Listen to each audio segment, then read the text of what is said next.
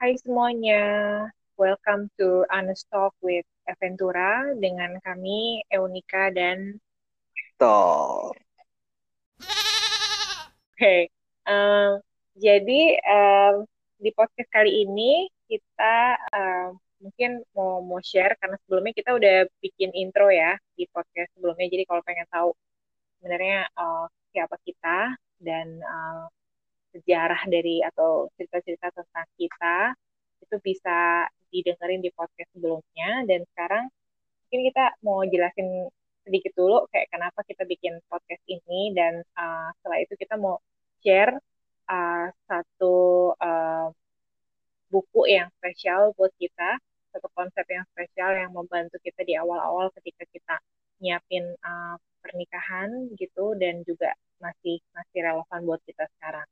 Mungkin uh, kamu mau jelasin dulu tentang kenapa kita melakukan ini? Oke, tentang kenapa sih kok kita kira bikin podcast? Sebenarnya berangkat dari uh, kami ini sering berbicara, bertukar pikiran tentang uh, banyak hal gitu, berdiskusi tentang banyak hal.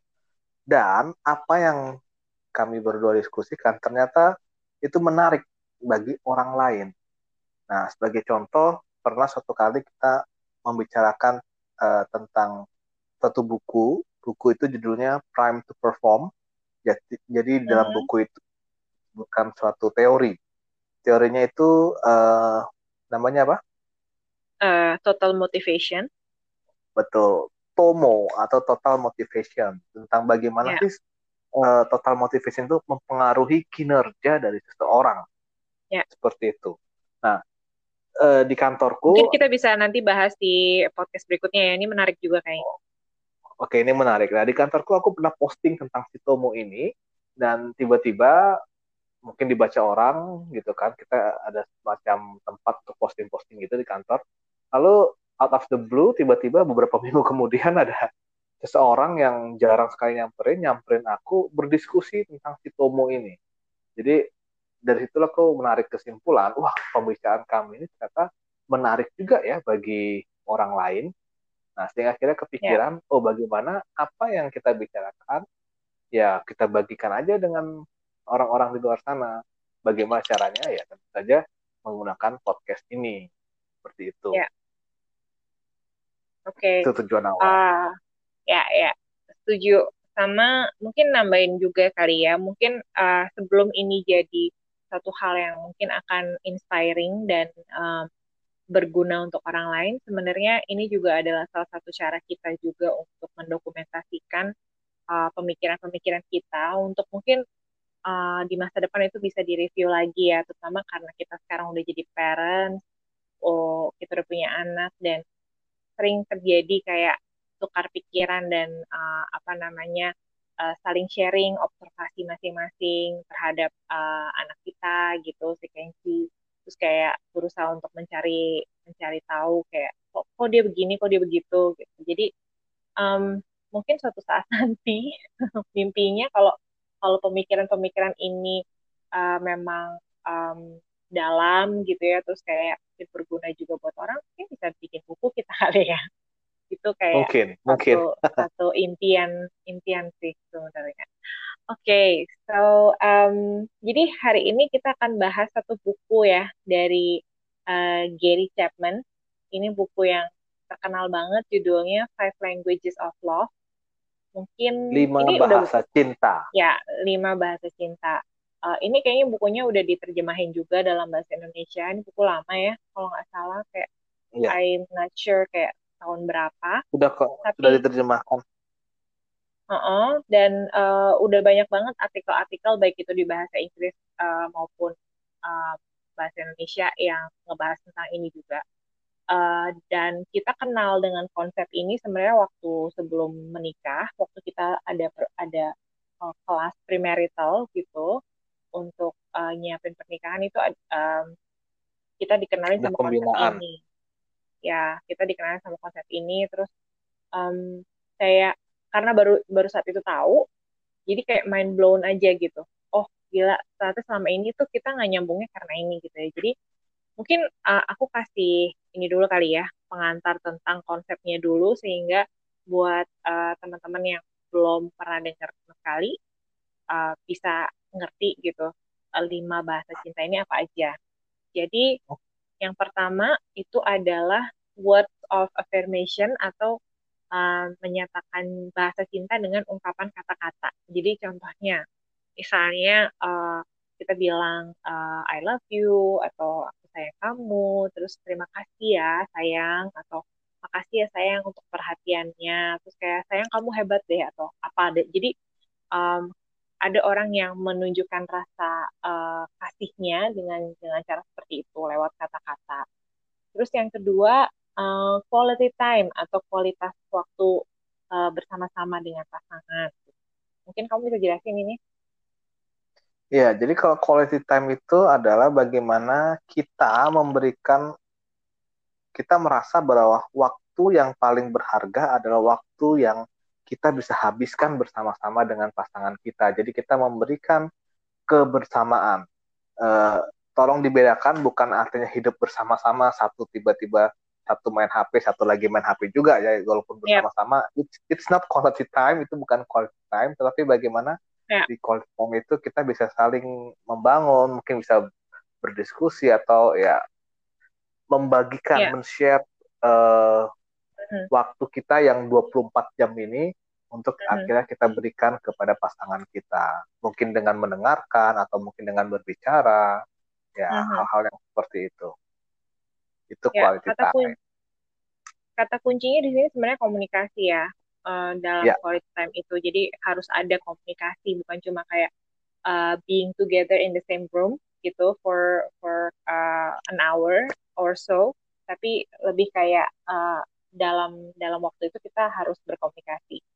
Oke, okay, terus yang ketiga bahasa kasihnya itu adalah receiving gifts atau pemberian hadiah. Jadi ada orang-orang yang yang menyatakan perhatian atau kasih sayangnya dengan cara memberikan um, apa namanya hadiah gitu.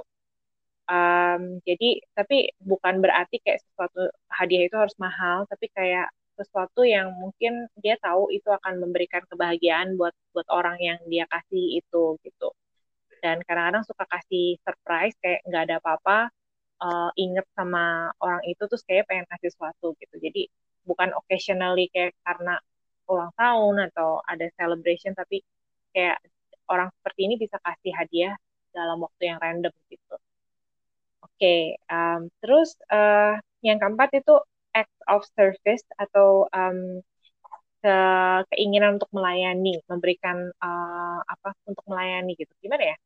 Memberikan service gitu. Mungkin kamu bisa um, jelasin contohnya? Ya, memberikan service mungkin misalkan, wah kita tahu kalau pasangan kita capek, lalu kita bisa pijetin atau kita ambilin makan, hal-hal ya. hal-hal yang mungkin uh, terlihat simpel, mungkin kita bawakan tasnya seperti itu mm-hmm. act of service bagaimana kita mm. menservis pasangan kita bagaimana kita bisa apa melayani uh, pasangan kita mm-hmm. mungkin ini lebih mm-hmm. kelihatan mm. di di di budaya barat gitu ya contoh kalau mm. misalkan kita masuk mall dibukain mm. pintunya yang yang cowok bukain pintu buat yang cewek hal-hal seperti itu kali itu mungkin itu sudah ada di budaya barat jadi bagi mereka mungkin mm. act of service ini tidak terlalu tidak terlalu sulit cuman uh, sepertinya di di budaya kita di Indonesia itu uh, mm-hmm. act of service ini masih jarang terlihat seperti itu ya itu yeah. hal lakukanlah hal yang simpel dengan sepenuh hati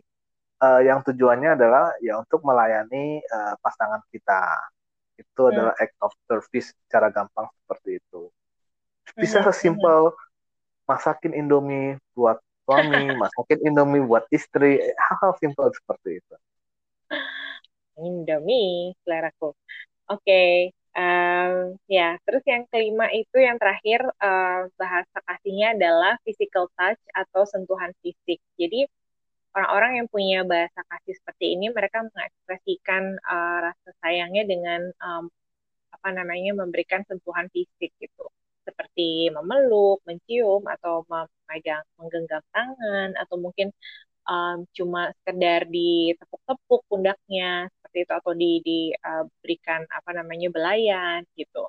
Um, dan orang-orang seperti ini akan merasa sangat dicintai kalau mereka menerima ungkapan sayang yang yang sama, misalnya dipijet atau disentuh waktu lagi berdekatan gitu. Nah, um, kayaknya cukup jelas ya. Kamu nambahin nggak? Udah, itu ada lima bahasa mhm. cinta mm-hmm. yang mm-hmm. Uh, diekspresikan uh, oleh orang-orang pada umumnya. Nah, mm-hmm. sampailah kita ke dalam masalahnya di mana. Mm-hmm. Oh, nah, mungkin sebelum maka, masalahnya kita cerita dulu kali ya. Kita masuk ke ya masing-masing dari kita bahasa kasihnya apa gitu. Oke. Okay. Nah, kalau diurutin, tadi kan ada lima. Mm-hmm. Uh, aku secara pribadi bahasa kasih yang pertama itu adalah uh, quality time. Mm-hmm. Oke. Okay. Uh, mm-hmm. Belum berubah menurut survei dari dulu sampai sekarang quality time yang hmm. tetap nomor satu yang kedua itu adalah uh, act of service hmm. oke itu ya. dua bahasa kan kalau kamu oke itu kita milih dua ya jadi mungkin ya. buat buat yang bertanya-tanya ini sebenarnya bahasa bahasa kasih atau bahasa cinta ini satu orang tuh bisa punya berapa sih gitu atau satu orang cuma satu aja tapi sebenarnya not necessarily kayak gitu ya kayaknya mungkin kita uh, dalam hidup kita itu bi, uh, udah pernah mengungkapkan lewat bahasa yang berbeda-beda, tapi pasti ada satu atau dua yang lebih dominan dibandingkan yang lain ya kan? Kayak kamu ya, tadi betul. bilang uh, kamu uh, yang pertama itu adalah uh, quality time, terus yang kedua adalah act of service gitu. Tapi bukan berarti bahwa um, Victor tuh nggak pernah ngasih gue apa-apa atau nggak pernah uh, apa namanya memuji atau atau memberikan uh, apa namanya word of affirmation gitu. Nah kalau kalau aku uh, yang pertama itu uh, udah jelas uh, itu adalah receiving gift uh, pemberian hadiah. Jadi um, aku sering banget uh, aku suka banget ngasih hadiah ke orang gitu ngasih sesuatu uh, dan bisa misalnya ada temen yang suka banget sama warna ungu gitu ya.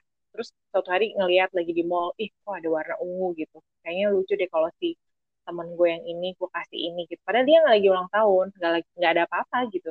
Itu bisa gue beliin terus gue kasih ke si temen itu gitu. Jadi seperti itu uh, bentuknya kalau udah uh, sayang atau, atau perhatian terus yang kedua um, aku itu yang quality time.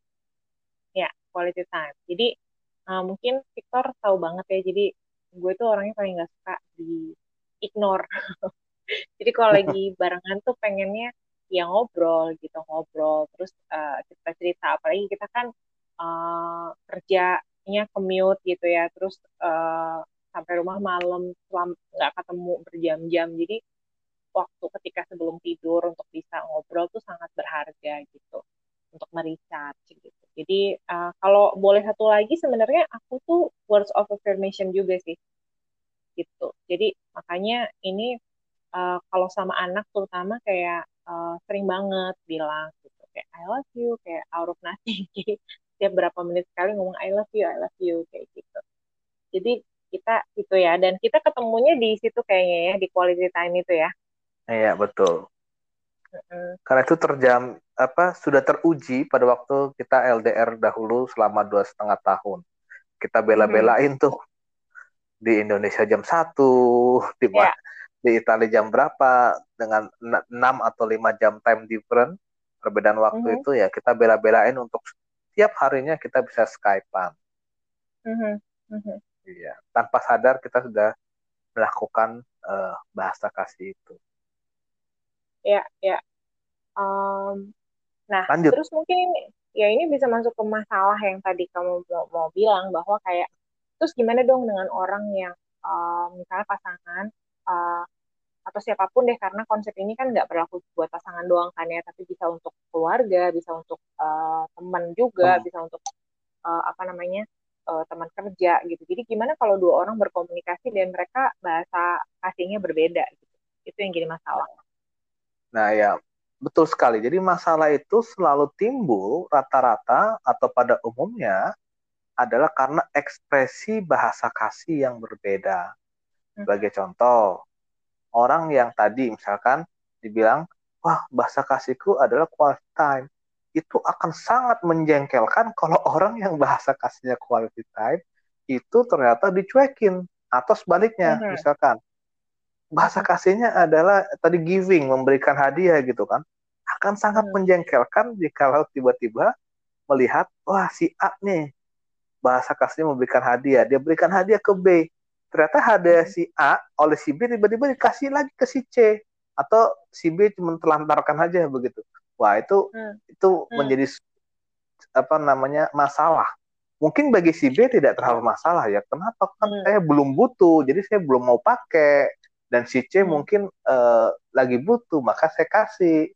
Kan nggak ada yang hmm. salah dengan hal itu kan. Nah, tetapi hmm. ekspresi yang yang yang karena manusia itu uh, berelasi satu dengan yang lainnya, berkomunikasi. Hmm. Nah, hal-hal yang berbeda seperti ini perbedaan ekspre, mengekspresikan bahasa kasih itu men, bisa menimbulkan masalah. Karena yeah. mungkin kita tidak ketemu tuh bahasa kasihnya di mana antara satu dengan yang lain. Ya, dan ini masalah di awal-awal ketika kita belum tahu konsep ini ya. Jadi waktu uh, waktu kita pacaran tuh sering banget kayak ya itu kayak nggak ketemu. Istilahnya kita berbicara dengan bahasa yang berbeda kan. Jadi banyak misunderstanding dan lain sebagainya gitu dan uh, misalnya gue dengan uh, dengan bahasa kasih yang memberi gitu memberi sesuatu ketika memberi sesuatu terus kemudian Victor kayak wah nggak kelihatan excited gitu dengan pemberian gue atau tidak bereaksi seperti yang gue harapkan gitu. Uh, itu kan memberikan kekecewaan terus kayak kenapa ya dia nggak sayang gue ya? Atau gimana?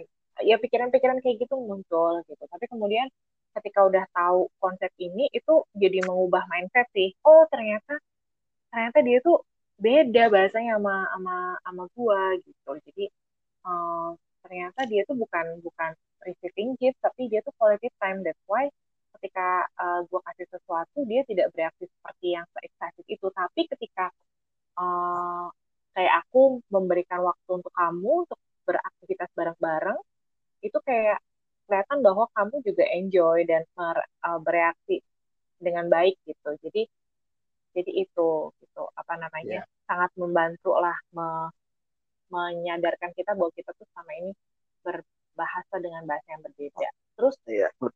betul sekali karena pada pada naturnya manusia itu akan merespon uh, bahasa kasihnya sendiri dengan lebih baik oleh karena hmm. itu ya saran kami jikalau uh, teman-teman sedang berhubungan, cobalah cari tahu bahasa kasih uh, pasangan masing-masing atau teman-temannya yang ingin ingin ingin ingin kita ketahui.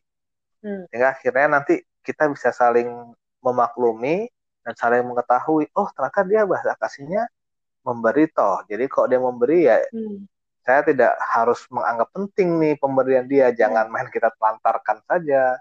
Atau kalau bahasa hmm. kasihnya adalah quality time ya coba diberikanlah waktu untuk bersama-sama atau kalau bahasanya tadi uh, word of affirmation ya cobalah puji wow hmm. it good job bagus terima kasih seperti itu hmm. simple thing tapi itu bisa uh, mengurangi konflik yang mungkin terjadi dalam kehidupan kita ya ya betul um, tapi kemudian yang yang sulit juga atau tantangannya ketika menerapkan si uh, bahasa kasih masing-masing gitu adalah mungkin kita tahu nih misalnya uh, aku tahu kamu uh, bahasa kasihnya itu quality atau yang ber, yang beda ya uh, misalnya act of service gitu tapi aku kan receiving gift dan mungkin kita tuh kadang-kadang sudah terlalu nyaman dengan bahasa kita sendiri sehingga kayak um, susah gitu untuk mengungkapkan dengan bahasa yang yang uh, sama dengan pasangan kita gitu. Jadi challenge-nya di situ ya. Uh, apa namanya kayak misalnya kamu as of service nya jadi kalau aku pengen berbahasa mengungkapkan dengan bahasa yang kamu mengerti kan berarti kan aku harus bikinin Indomie ini misalnya. Iya betul. Padahal, padahal itu hal yang kayak aduh kadang-kadang um, ketika udah udah capek-capek pulang kerja terus kayak mau nanya makan apa nih uh, terus kayak kamu bilang ehm, bikin indomie dong terus kayak ya ampun gue kan capek gitu kenapa nggak lu um, ya gitu maksudnya jadi karena saking udah nyamannya gitu tantangannya sih sebenarnya menurutku di situ gitu. Ya. Cuma kalau kalau hmm, berkaca sama pengalaman uh, kami berdua gitu jadi ya ada momen-momen ketika tantangan itu ketika kita dengan uh, egoisan masing-masing terlalu nyaman dengan diri kita sendiri jadi akhirnya nggak nyambung terus kemudian malah bikin uh, konflik. Tapi makin ke sini kita um, makin belajar sih untuk uh, belajar untuk berbahasa dengan bahasa yang sama gitu. Jadi dalam arti bukan akhirnya dilebur atau jadi milih salah satu enggak. Tapi uh, occasionally misalnya uh, Victor ngasih ngasih gue sesuatu gitu. Dan itu oh walaupun sesuatu yang sederhana tapi kayak oh dia mikirin ya at least melihat bahwa um, pasangan kita atau orang lain itu berusaha gitu untuk mendekati mendekati bahasa dengan bahasa kasih yang sama. Terus misalnya ya walaupun kalau misalnya dari aku ya walaupun capek capek capek banget tapi make sure bahwa misalnya dalam hal makanan ya gitu kayak memastikan bahwa kamu tetap ada makanan terus kalau nggak ada makanan ya dimasakin gitu dan memasakkan masakan yang kamu suka pasta dan lain sebagainya itu juga cara untuk mengasihi dengan bahasa kasih uh, kamu gitu. Iya betul sekali. Jadi berusahalah berusahalah berkomunikasi dengan uh, pasangan anda dengan bahasa kasih yang dia mengerti seperti mm -hmm. itu. Jadi kalau kita berusaha berkomunikasi dengan bahasa kasih yang pasangan kita mengerti, hmm. nah maka itu akan terjadi uh, hubungan timbal balik yang baik tuh. Hmm. Jadi jadi akhirnya sama-sama terpuaskan gitu kan, sama-sama mengerti, sama-sama klop, sama-sama klik karena oh hmm. ngerti nih bahasa kasihnya ini nih, love language-nya hmm. ini nih, aku ngerti nih, dan itulah akhirnya timbul uh, apa namanya rasa cinta itu uh, akhirnya bisa terjaga seperti itu.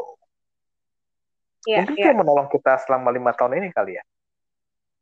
Iya betul itu yang itu yang menolong sih gitu. Uh, ya pasti ada up and down-nya. Kadang-kadang kita juga terlalu lelah atau terlalu eh, stres misalnya untuk untuk bisa berbahasa dengan bahasa yang lain. Tapi uh, makin makin ke sini ya makin lebih baik sih gitu untuk untuk bisa switching gitu ya dari bahasa kita sendiri ke bahasa pasangan. Nah iya. sebenarnya uh, jadi terpikir sih mau menarik um, aplikasinya juga selain uh, untuk pasangan adalah yang pertama ketika kita jadi orang tua sama yang kedua adalah dalam dunia pekerjaan gitu. Kira-kira kamu ada insight nggak apakah itu dari sisi orang tua atau misalnya pekerjaan? Aku coba jawab yang orang tua, kamu jawab yang pekerjaan ya. Oke. Okay. Yang saling okay. nambahin aja. Oke, okay. nanti kita saling nambahin juga boleh.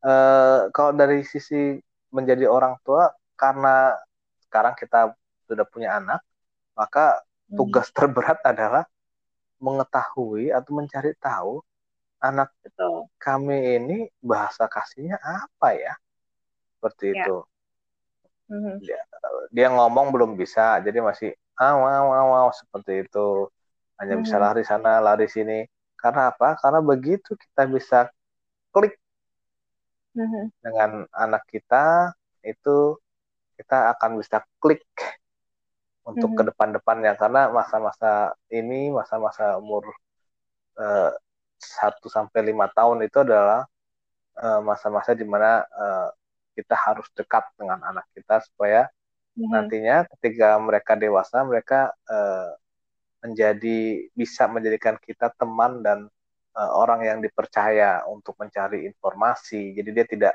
tidak cari informasi di di luaran sana yang mungkin juga ya belum tentu benar seperti itu kan.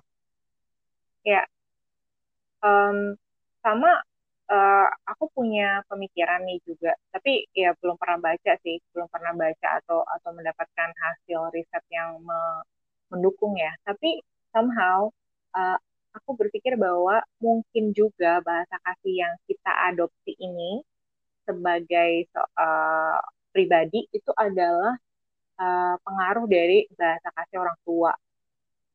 Uh, bisa juga kayak gitu. Uh, karena misalnya kalau aku coba refleksi ya sebenarnya bahasa orang tua bahasa kasihnya orang tua aku apa gitu.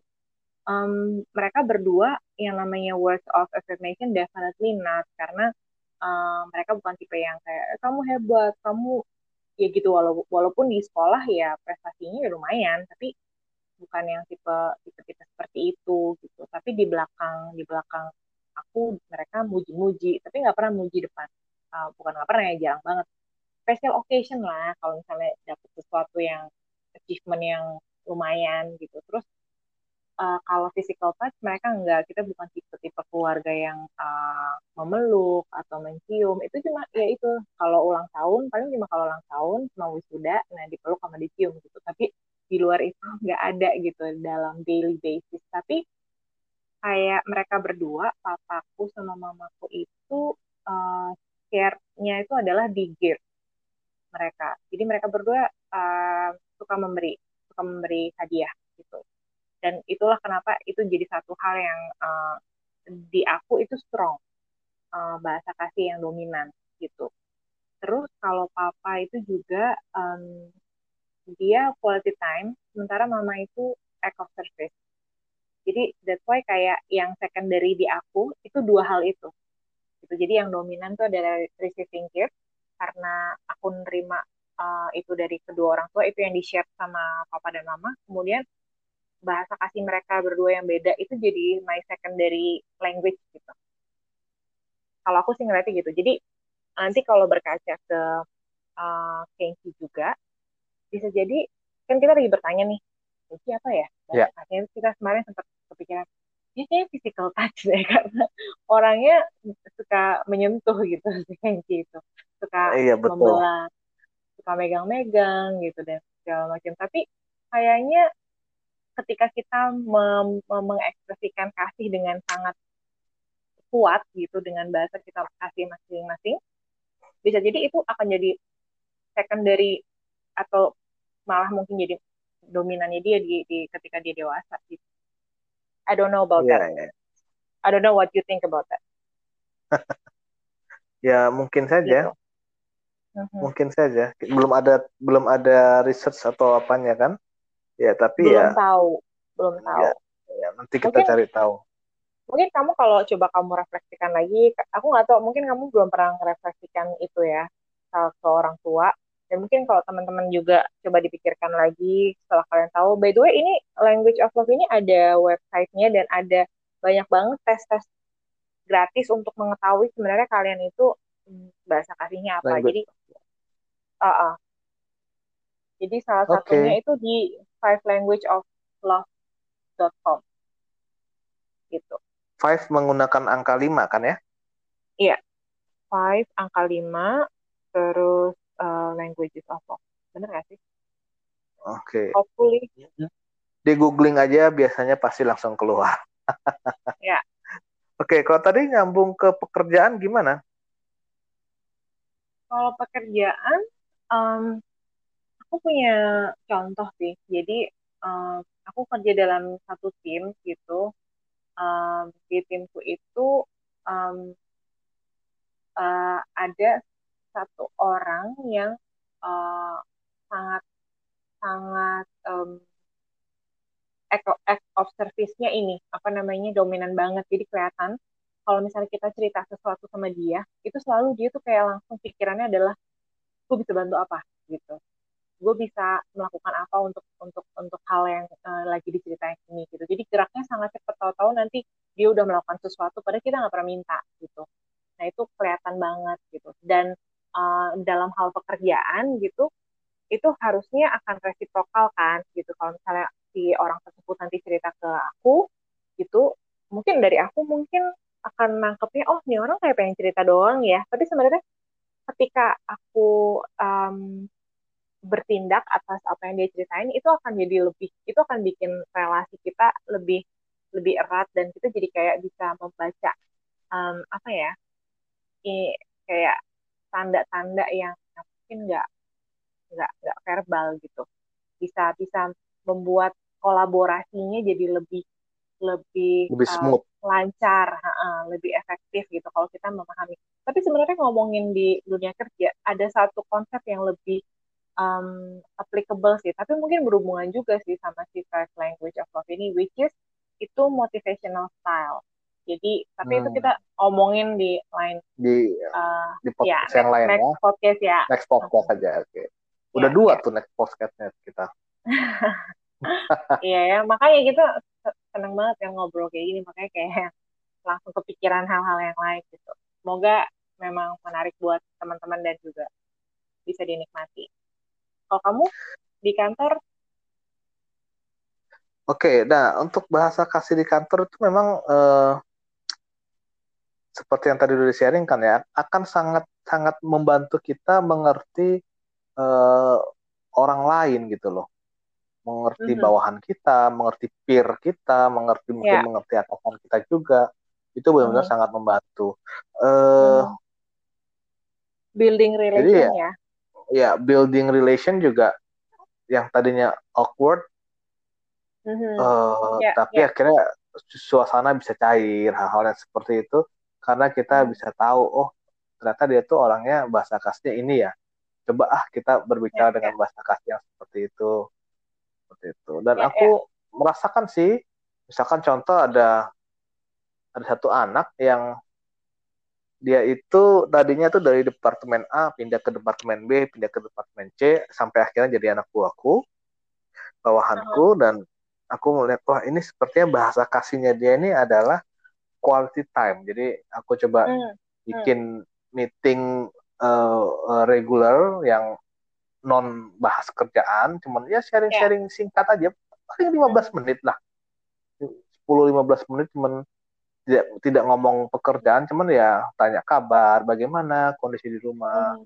hal-hal yang simpel dan itu membuat selain membuat kita dekat sih terlihat motivasi kerja dia tuh lebih lebih gitu jadi jadi kayak nambah gitu hmm. kayak ngebus hmm. gitu ya, nah, ya, ya. mungkin itu ya contoh aja sih ya ya ya dan dan ini kayak berguna banget ya karena mungkin ya ini karena uh, aku di kantor kan bikin uh, konten nih tentang leadership gitu. Jadi buat manajer-manajer sebenarnya bagus untuk mengetahui kayak uh, direct report kita itu apa gitu bahasa uh, kasihnya. Jadi itu mem membuat itu itu building trust juga sih menurutku dan yang tadi kamu ceritain bener aku jadi ingat aku dulu pernah punya uh, teman kerja dan awalnya tuh impressionnya tuh gak gitu bagus gitu. Jadi dari pertemuan-pertemuan di awal nih kayaknya orang jutek deh gitu. Kayak dia yang suka deh sama gue tapi begitu aku tahu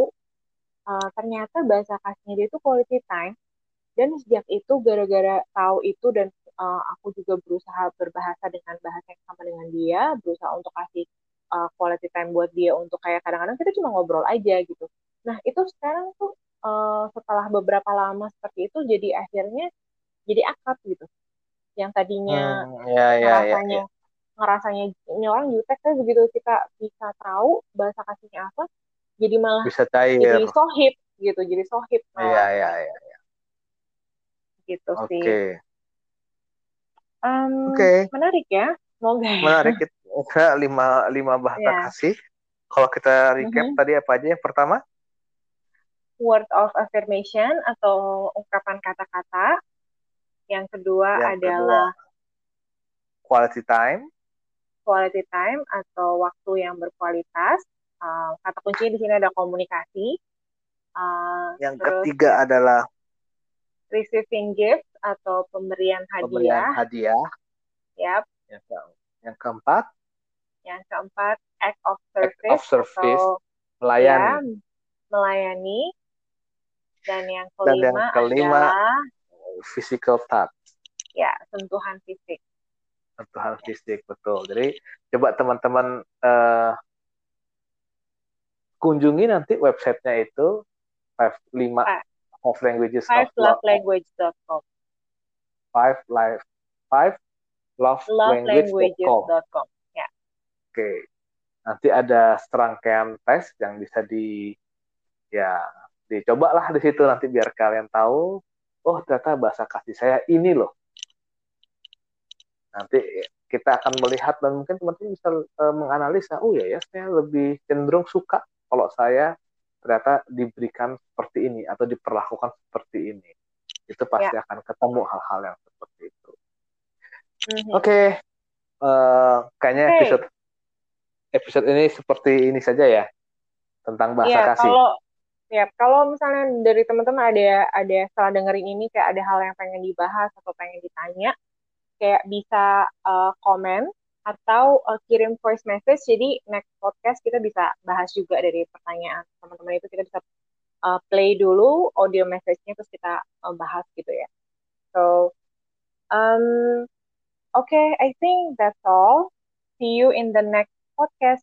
Bye. Okay.